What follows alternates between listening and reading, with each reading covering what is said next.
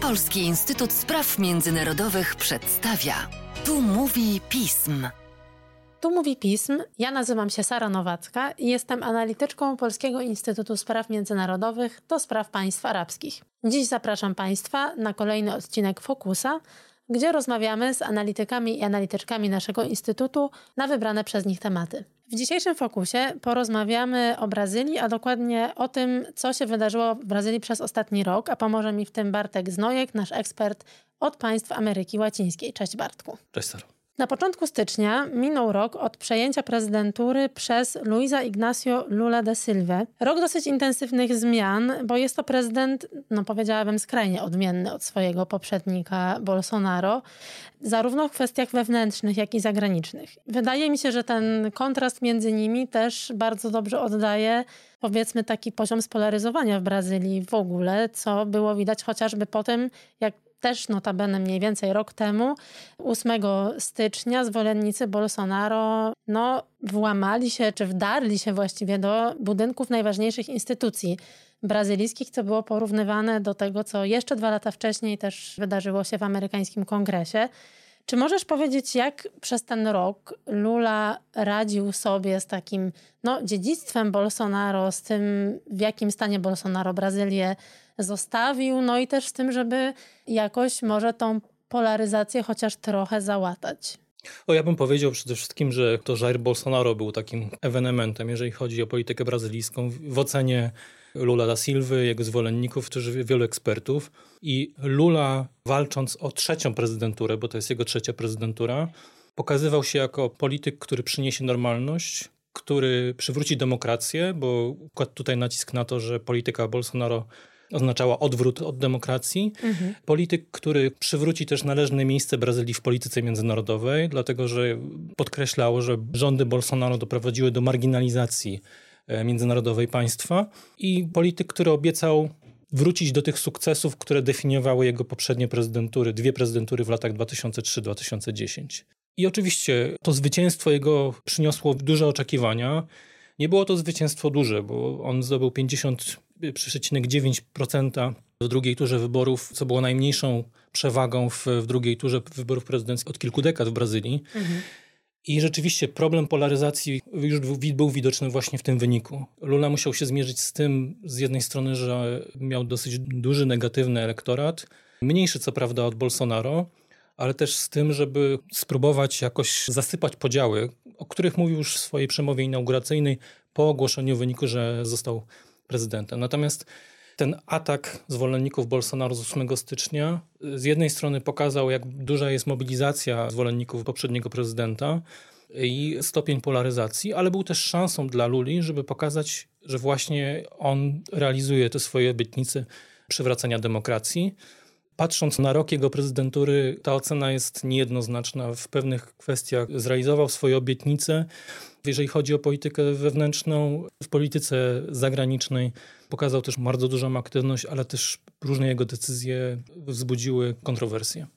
A powiedz mi, bo no właśnie po tych atakach na brazylijskie instytucje widziałam nawet takie wypowiedzi, gdzie sugerowano, że teraz Brazylia, brazylijska demokracja jest jeszcze silniejsza, że właśnie ten trójpodział władzy się umocnił, że instytucje polityczne powiedzmy wyszły z tego obronną ręką. No ale jednocześnie Lula musiał dosyć intensywnie pracować nad tym, jak wygląda kształt parlamentu brazylijskiego, żeby mieć jakiekolwiek poparcie dla swoich zmian, no bo to też nie było takie oczywiste. Tu musimy wrócić do wyborów parlamentarnych, które się zbiegły z pierwszą turą wyborów prezydenckich i które wyłoniły kongres, gdzie najwięcej głosów uzyskali przedstawiciele prawicy związanej z Bolsonaro. Mhm. Więc tutaj Partia Pracujących, z której kandydował Lula, no nie zdobyła silnej pozycji i coś, co jest charakterystyczne dla kongresu brazylijskiego, czyli dosyć duże rozdrobnienie partyjne, wiąże się z tym, że prezydent, jeżeli chce forsować swoje decyzje, swoje propozycje, no to musi zbudować szeroką koalicję. I to było oczywiście też ważne zadanie dla Luli. Żeby to zrealizować, musiał szukać poparcia różnych partii, niekoniecznie bliskich ideologicznie. Takim punktem, który jest ważny, są takie partie centrowe, takiego mhm. dużego centrum, tak zwane centrum, Partie klientelistyczne, czyli takie, które mogą poprzeć oczywiście prezydenta pod warunkiem, że otrzymają za to różne korzyści, takie jak na przykład stanowisko ministra, czy jakieś stanowiska w ważnych urzędach, czy też jakieś obietnice związane z przekazaniem środków do tych miejsc, z których wywodzą się mhm. deputowani. I Lula tak naprawdę rozmawiał z tymi osobami, z którymi rozmawiał Bolsonaro, żeby właśnie takie poparcie mieć. I tych wyzwań trochę było, dlatego że Lula objął władzę w momencie, kiedy było dosyć duże ryzyko, jeżeli chodzi o rozpiętość wydatków publicznych. Mhm. Bolsonaro pod koniec swojej prezydentury, żeby zwiększyć szanse na wygraną, rozszerzył wydatki socjalne, próbował tutaj rozszerzyć wydatki na, na, różne świadczenia, e, co mu nie pomogło. Natomiast e, to, że ten budżet był tak przygotowany, wiązało się z tym, że Lula musiał negocjować też z partnerami w kongresie takie zmiany, żeby państwo jednak było stać na te różne wydatki. Jednocześnie Lula nawiązywał do tej polityki, którą prowadził podczas swoich wcześniejszych prezydentur, czyli aktywnej polityki socjalnej, wspierania najuboższych i też zależało mu na tym, żeby te środki były. Przywrócił tutaj nazwę swojego flagowego programu z poprzednich prezydentur, czyli Bolsa Familia, takie świadczenia dla najbiedniejszych, które były instrumentem, który był dobrze oceniany też jeżeli chodzi o sposoby wyciągnięcia ludzi z ubóstwa. To było coś, czym, czym Lula rzeczywiście zasłynął i Lula do tego wrócił i też zależało mu na tym, żeby te środki były odpowiednie. Natomiast no, były różne sfery, w których niekoniecznie to podejście, które Lula prezentował, jego deklaracje, były łatwe do przeforsowania. To na przykład kwestia ochrony środowiska, ochrony Amazonii, którą Lula tutaj traktował jako, jako swój priorytet. Pokazał to też jeszcze jako prezydent elekt, kiedy wziął udział w konferencji klimatycznej w Egipcie. Natomiast musiał też się zmagać z tym, że w kongresie dosyć silną pozycję ma sektor rolny, rolno-spożywczy, dla którego niekoniecznie ta ścisła ochrona Amazonii jest, jest korzystna. A powiedz mi, czy rzeczywiście Luli się w tych uwarunkowaniach politycznych udaje jakoś realizować te projekty? W tym sensie, że no, Brazylia mierzyła się dosyć poważnymi efektami pandemii i problemami gospodarczymi, które z tego wynikały. Czy możemy powiedzieć, że ten pierwszy rok prezydentury Luli przyniósł jakieś pozytywne efekty w tym zakresie? Faktycznie Brazylia była bardzo dotknięta przez pandemię i te przejawy ożywienia gospodarczego już było widać pod koniec kadencji Bolsonaro. Dlatego, że doszło do otwarcia rynków, zniesienia różnych ograniczeń, wzrosły ceny surowców, które w przypadku Brazylii są ważnym, ważnym elementem eksportu. I ten rok prezydentury Luli wiąże się z poprawą sytuacji, nawet z lepszą poprawą niż była przewidywana. Wpłynęło też na przykład na to dobre wyniki, jeżeli chodzi o zbiory, co dało też Brazylii możliwość, żeby i mieć większe dochody, ale też do tego, żeby zmniejszyć inflację, która też była problemem brazylijskim. Więc można powiedzieć, że, że ta sytuacja, ta poprawa sytuacji ekonomicznej działa na korzyść e, Luli. Ma też takie sukcesy, które były ważne z, z punktu widzenia oceny jego rządu. Jedna to jest przyjęcie reformy podatkowej, mhm. coś co w ogóle było debatowane przez ostatnie 30 lat, jest bardzo oczekiwane. Tutaj firmy, które próbują robić biznes w Brazylii, borykają się z skomplikowanym systemem podatkowym, bo to nie są tylko podatki na szczeblu państwa, ale podatki federalne, podatki związane z grupami produktów. Jest to na tyle skomplikowany system, że wymaga bardzo dużo pracy i dużo pieniędzy. Mhm. Więc ta reforma podatkowa była bardzo ważna. Też program przyspieszenia rozwoju. Tutaj ważne, ważne jest to, że Lula bardzo naciska na reindustrializację Brazylii, na to, żeby jednak rozwijać przemysł, przemysł brazylijski. I podejście ludzi jest takie, że rola państwa w gospodarce musi być silniejsza i to rzeczywiście widać w zwiększeniu inwestycji publicznych. Ważnym sukcesem Luli jest też to, co jest widoczne w zmniejszeniu tempa wycinki Amazonii. Hmm. W takich kwestiach prozaicznych jak wiem, podwyższenie pensji minimalnej, czy przywrócenie programu Mais Medicos, czyli więcej lekarzy. To był taki, mhm. taki, program, który też był ważny, ale był kontrowersyjny, bo chodziło też o zapewnienie dostępu do służby zdrowia gdzieś w jakichś odległych rejonach. Mhm. I w ramach tego też przyjmowano medyków z Kuby, co było bardzo kontrowersyjne w związku z tym, jak ci lekarze pracują, jaka część ich wynagrodzenia trafia do rządu kubańskiego. Tutaj akurat Lula to przewraca, natomiast z większym naciskiem na to, żeby to byli lekarze brazylijscy. I widać, że też rząd dąży do tego, żeby zrównoważyć finanse z nadzieją na to, żeby obniżyć deficyt budżetowy do zera.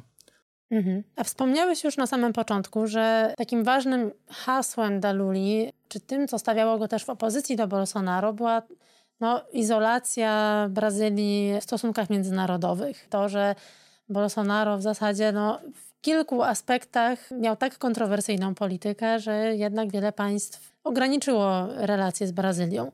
Natomiast na ten rok przypada prezydencja Brazylii w G20. Czy to jest powiedzmy zwiastun jakiegoś nowego otwarcia na relacje z partnerami globalnymi Brazylii? O, takie główne hasło, które Lula powtarzał i bardzo podkreślał w Egipcie jeszcze jako prezydent elekt, to jest, no, że Brazylia wraca. Brazylia staje się państwem, którym będzie można normalnie współpracować, które znosi izolację, które będzie dążyć do tego, żeby wzmocnić swoją pozycję. To jest nawiązanie do polityki z poprzednich prezydentur Luli, takiej polityki aktywnej i takiej, można powiedzieć, wyniosłej, że, że Brazylia może rzeczywiście odgrywać ważną rolę w stosunkach międzynarodowych. I dowody tego, że rzeczywiście Lula tutaj, te oczekiwania były takie, że Lula jeszcze jako kandydat spotykał się z różnymi liderami międzynarodowymi, między innymi w Europie i to, że w tym poprzednim roku naliczono chyba 15 podróży zagranicznych do 24 mhm. państw. To chyba nie wszystkim Brazylijczykom się podoba też, prawda? Tak, więc to, to nawet wzbudziło negatywne oceny ze strony opozycji, że Lula jest za bardzo, za bardzo wyjeżdża za granicę, że nie skupia się na sprawach wewnętrznych, nawet w sondażach mhm. gdzieś to wychodziło. Natomiast jest to wynik takiego podejścia, czy takiego przekonania Luli, jego otoczenia, że to jest dogodny moment, czy przychylny moment dla Brazylii, żeby rzeczywiście wzmocnić swoją pozycję jako jeden, jednego z głównych aktorów globalnych żeby urzeczywistniać koncepcję ładu wielobiegunowego, coś mhm. co Lula bardzo promował też wcześniej ze swoich poprzednich prezydentur. I sprzyja Brazylii kalendarz, dlatego że pierwszy rok trzeciej kadencji ludzi przypadł na drugi rok niestałego członkostwa Brazylii w Radzie Bezpieczeństwa ONZ. Od grudnia Brazylia przewodniczy pracą G20. W przyszłym roku będzie przewodniczyć BRICS-owi, mhm. czy BRICS-owi Plus już po mhm, tak. poszerzeniu. I będzie gospodarzem COP30, konferencji klimatycznej w Belem. Więc są to takie elementy, które dają szansę Brazylii, żeby się wypromować, żeby pokazać, że jest liczącym się aktorem globalnym i promować też podejście Brazylii, jej wizję stosunków międzynarodowych, mhm. czego jednym z ważnych elementów jest promowanie interesów tak zwanego globalnego południa. No właśnie, bo takie chyba najważniejsze, czy trzy takie priorytety, które Brazylia wymienia jako swoje hasło przewodnie czy hasła przewodnie na prezydenturę w G20 to jest jakaś sprawiedliwość społeczna, walka z głodem i też walka z emisją gazów cieplarnianych, tak? czyli e, no, ta jakaś tam sprawiedliwość e, klimatyczna. Mam wrażenie, że to są takie hasła, które bardzo umiejętnie łączą to, co jest właśnie i ważne dla państw zachodnich i też jakby główne zarzuty, jakie państwa zachodnie miały do na przykład Bolsonaro, który no, sprawy klimatyczne raczej absolutnie ignorował. A z drugiej strony właśnie taki poważny zwrot w stronę globalnego południa i podkreślenie tych problemów, które dla tych państw są ważne. Takim elementem, który nie jest nowy w, w podejściu Luli jest to, że Brazylia ma ten komfort, atuty że jest częścią świata rozwijającego się, ale też jest państwem, można powiedzieć, zachodnim, mhm. takim, który jest blisko Zachodu, więc może pełnić rolę takiego pośrednika, mediatora między tymi dwoma światami. Natomiast rzeczywiście program prezydencji brazylijskiej w G20 bardzo mocno jest, wychodzi z tego przekonania, jakie są interesy, co jest korzystne dla globalnego południa. I odzwierciedla też hierarchię wartości samego Luli, który się mhm. wywodzi, wywodzi z biedoty. Bardzo duży nacisk kładzie na sytuację społeczeństwa, na osoby biedne, na nierówności, na głód. I to rzeczywiście jest pierwszy cel, czyli walka z głodem, walka z nierównościami, z biedą.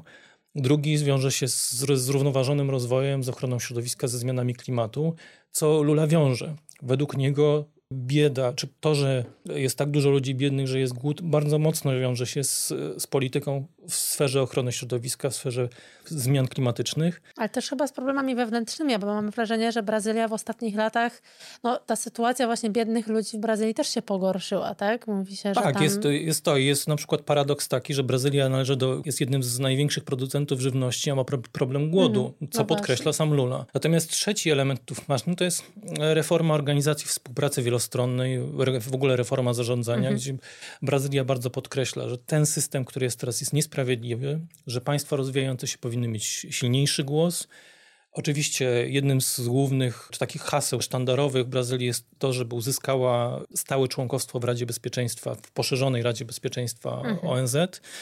Bardzo kładzie nacisk też teraz na dysfunkcjonalność tej Rady, co nawiązuje do tych oczekiwań.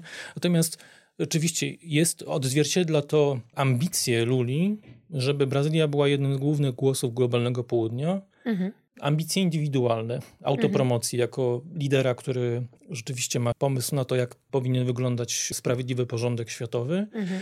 i wzmacniania pozycji międzynarodowej Brazylii, tak żeby Brazylia była atrakcyjnym partnerem, który liczy się i ma dużo do powiedzenia.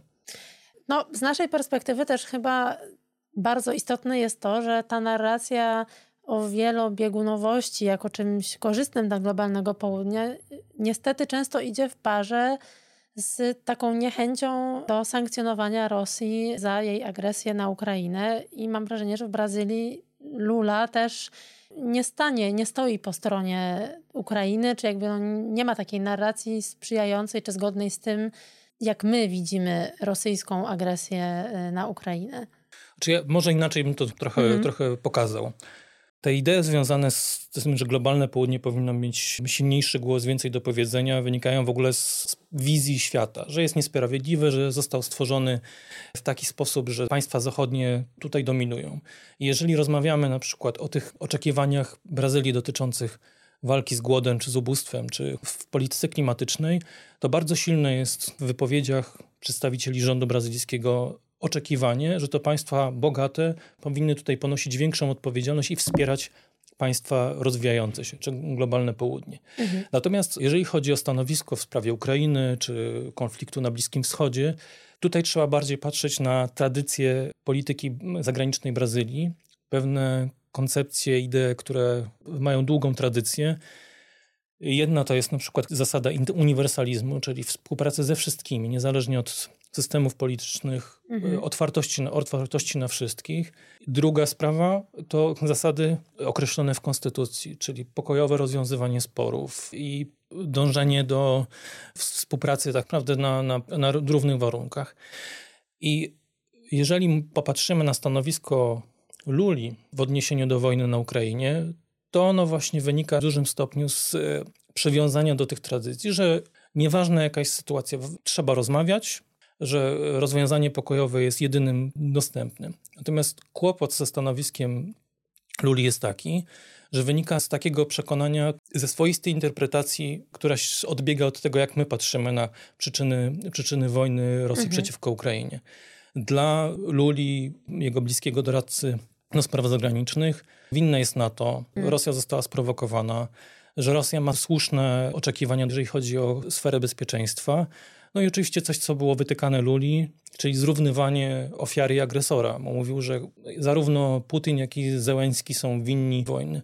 Więc tutaj z jednej strony problemem była retoryka Luli, który zrównywał oba państwa, oskarżał Zachód o, o to, że, że wspierając Ukrainę zbrojnie napędza ten konflikt. Mówił, że on, on, jako jedyny mówi o pokoju, a z drugiej strony jednak jakieś przekonanie czy wizja tego, z czego wynika ta cała sytuacja krytycznego podejścia do NATO, krytycznego podejścia do Stanów Zjednoczonych. To jest zbieżne z tym, jak to widzi brazylijskie społeczeństwo, czy to raczej jest wśród polityków takie panujące przekonanie? W społeczeństwie myślę, że to jest, to, to jest różnie i w ogóle w, samej, w samym tym środowisku politycznym, z którego się wywodzi Lula, bo jest to z moich rozmów z, mhm. z ekspertami brazylijskimi wynika tak, że, że ta lewica, do której należy Lula, jest podzielona, że jest jakaś część, która jest bardzo przychylna Rosji, bo właśnie uważa, że NATO jest złe, Stany Zjednoczone są negatywną siłą, że trzeba tutaj przeciwdziałać dominacji Zachodu, Stanów Zjednoczonych, ale jest też taka lewica, która jest bardziej przychylna Ukrainie, patrzy krytycznie na Rosję. Natomiast tutaj bardzo ważne z punktu widzenia tej koncepcji świata wielobiegunowego jest to, że ze stanowiska rządu Luli można wnioskować, że nie chcą przegranej Rosji, bo dla nich ta Rosja jest nieodzownym partnerem w dochodzeniu do tego ładu wielobiegunowego, że bez Rosji ta idea się zawali. Więc jeżeli przeanalizować wypowiedzi Luli czy przedstawicieli dyplomacji brazylijskiej, to jest jednak to podejście, że, że Rosja nie może przegrać w tej wojnie. Lula też, mam wrażenie, że oprócz powrotu na scenę globalną, stara się też wrócić na scenę regionalną, tak? Bo Brazylia chyba, poprawnie jeśli się mylę, zawiesiła za Bolsonaro finansowanie projektów zagranicznych przez brazylijski bank właśnie w regionie. Lula do tego powrócił i stara się też jakby umocnić dialog ze swoimi sąsiadami. Ale chyba ma dosyć trudne uwarunkowania, no bo w Argentynie jednak wygrał wybory człowiek o kompletnie odmiennych od Luli poglądach. Tutaj bardziej chodzi o podejście do współpracy regionalnej, do różnych inicjatyw tej mhm. współpracy. I kłopot z Ameryką Łacińską polega na tym, że tych inicjatyw jest sporo. One obejmują, czasami się dublują, mhm. czasami powstają, nie są nawet zastępowane przez nowe. I są to przede wszystkim organizacje o charakterze współpracy międzyrządowej. Więc w momencie, kiedy władzę w danym państwie członkowskim obejmuje ktoś z zupełnie odrębną wizją, no to dochodzi do konfliktów, czy wpływa to negatywnie na współpracę w danym formacie.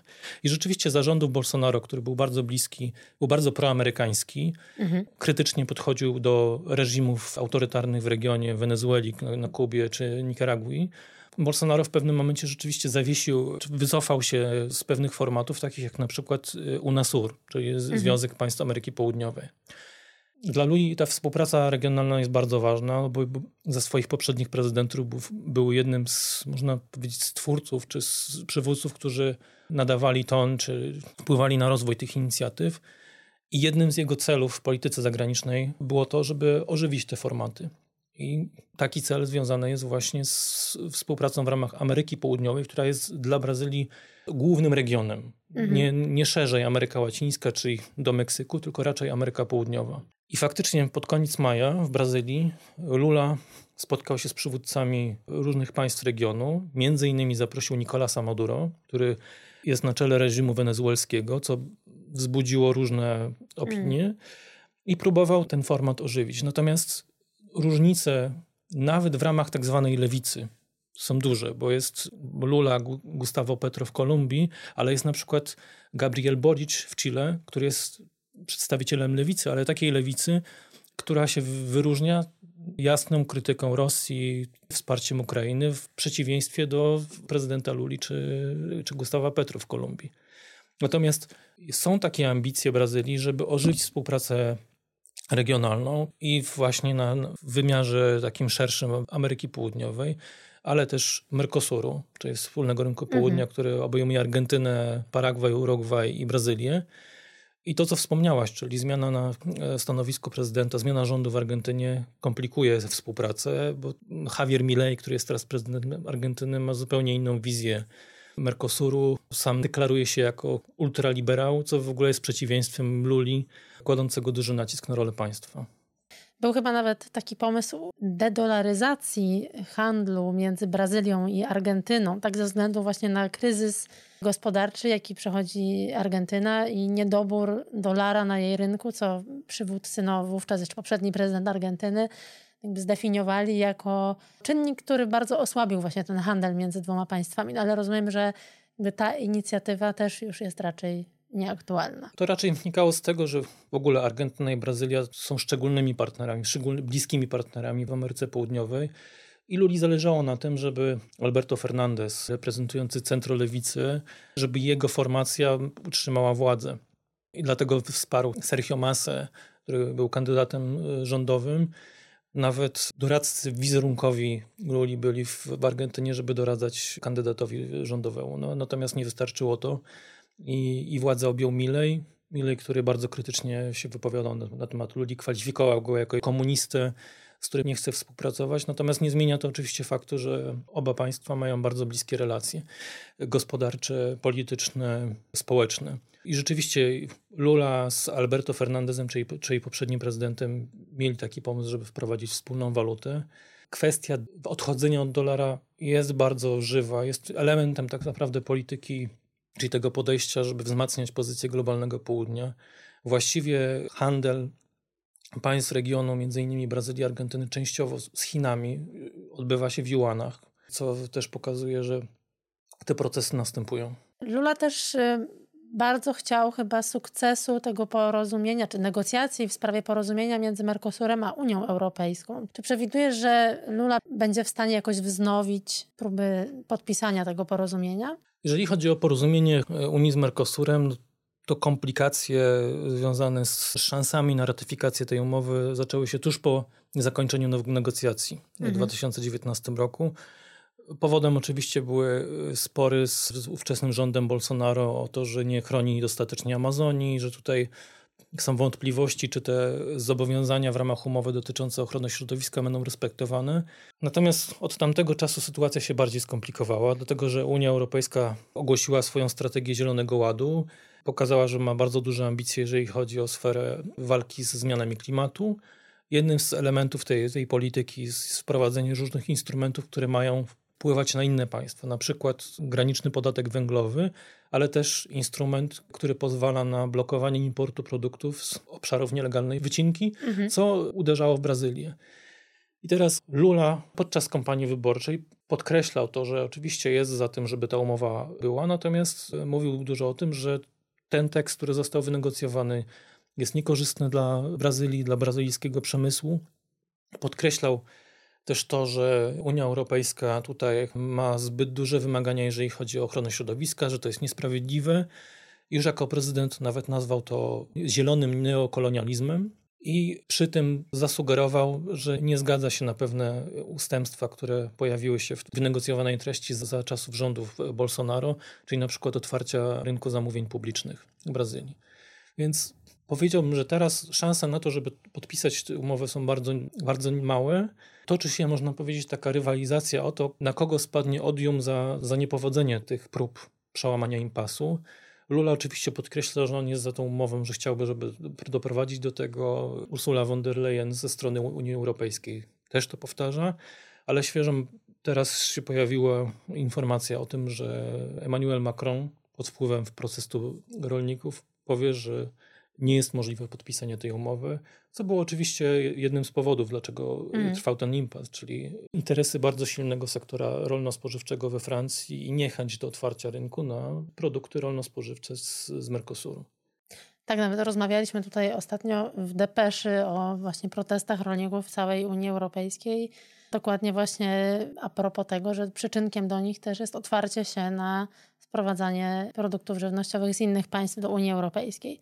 Ale wspomniałeś o Amazonii i w sumie chciałabym jeszcze do tego nawiązać, chociaż może trochę będziemy robić wtedy kółko, bo wrócimy do spraw takich bardziej wewnętrznych. Ale rzeczywiście ta ochrona środowiska była ważna y, w kampanii Luli i też na początku jego polityki. Nie tylko ze względu na samo środowisko, ale też ze względu na warunki życia ludności rdzennej, którą bardzo dotknęły no, raz, że nielegalne wycinki, ale też wydobywanie złota na przykład. Czy możesz powiedzieć, jak teraz wygląda ich sytuacja, ale też co w ogóle stało się z tymi ludźmi odpowiedzialnymi za tą nielegalną wycinkę i za jakieś prace wydobywcze Amazonii. Lula po objęciu władzy bardzo szybko no zadziałał, jeżeli chodzi o wzmocnienie ochrony, wysłanie większych sił, żeby właśnie zwalczać nielegalną eksploatację Amazonii. W ramach ministerstw utworzył Ministerstwo do Spraw Ludów Rdzennych, i też no, bardzo dużo mówił na ten temat, że będzie działał na rzecz ochrony Amazonii. Natomiast oczywiście jest tutaj zderzenie różnych interesów. Była taka próba, żeby zachować dowolność w, w demarkacji, w tym jak są definiowane te terytoria ludów rdzennych. I kongres doprowadził do tego, że odrzucił możliwość bardziej liberalnego podejścia do, tego, mhm. do, do tych definicji, co zderzało się z tymi obietnicami, wcześniejszymi obietnicami Luli. Tutaj Lula musi z jednej strony godzić to, żeby pokazać, że realizuje swoje deklaracje dotyczące ochrony puszczy, mhm. ale z drugiej ma bardzo silny, silny sektor rolno-spożywczy, bardzo ważny gospodarczo, o którym też musi myśleć. Więc to, jaką politykę prowadzi, jest tutaj jakimś wynikiem próby godzenia tych interesów. Natomiast problem z, z Amazonią nawet nie tyle polega na tym, że, że chodzi o ochronę puszczy przed, przed wycinką, ale ten problem w dużym stopniu polega na bezpieczeństwie, dlatego że nielegalną eksploatację, czy wydobycie różnych złóż, czy, czy wycinkę lasów, czy pozyskiwanie drewna wiąże się z rozległą działalnością grup przestępczych. I to mhm. już jest kwestia, kwestia bezpieczeństwa publicznego, czyli wysłania sił, które będą w stanie no, walczyć już z takim wzmocnionym przeciwnikiem. Ponadto Amazonia nie jest jedynym e, problemem. E, problem wycinki dotyczy też innych obszarów bioróżnorodności, mhm. bo to jest obszar Cerrado czy, czy Mata Atlantica, więc jest to duże wyzwanie. Ponadto no, kłóci się też to trochę, co, co zauważają krytycy Luli z tym, że on też kładzie nacisk na to, żeby Brazylia wykorzystywała potencjał związany z, sektorem naftowym. Mhm. Były takie kontrowersje związane z nowymi projektami na terenach chronionych, żeby eksploatować ropę. To jest zarzut wobec Lui, że z jednej strony ma taką retorykę, że chronimy Amazonię, z drugiej e, musimy rozwijać sektor, który jest pewnym zaprzeczeniem podejścia do tego, żeby ograniczać użycie surowców takich jak ropa. Dziękuję Ci bardzo, Bartku, za to podsumowanie pierwszego roku trzeciej prezydentury Luli. Państwa zapraszam do czytania tekstów Bartka na naszej stronie. Dzięki. Dziękuję. To wszystko na dziś. Tradycyjnie zachęcam Państwa do śledzenia Polskiego Instytutu Spraw Międzynarodowych w mediach społecznościowych i słuchania naszych podcastów, które dostępne są na wszystkich platformach podcastowych oraz na YouTubie. Dziękuję za wysłuchanie tego odcinka. Tu mówił Pism.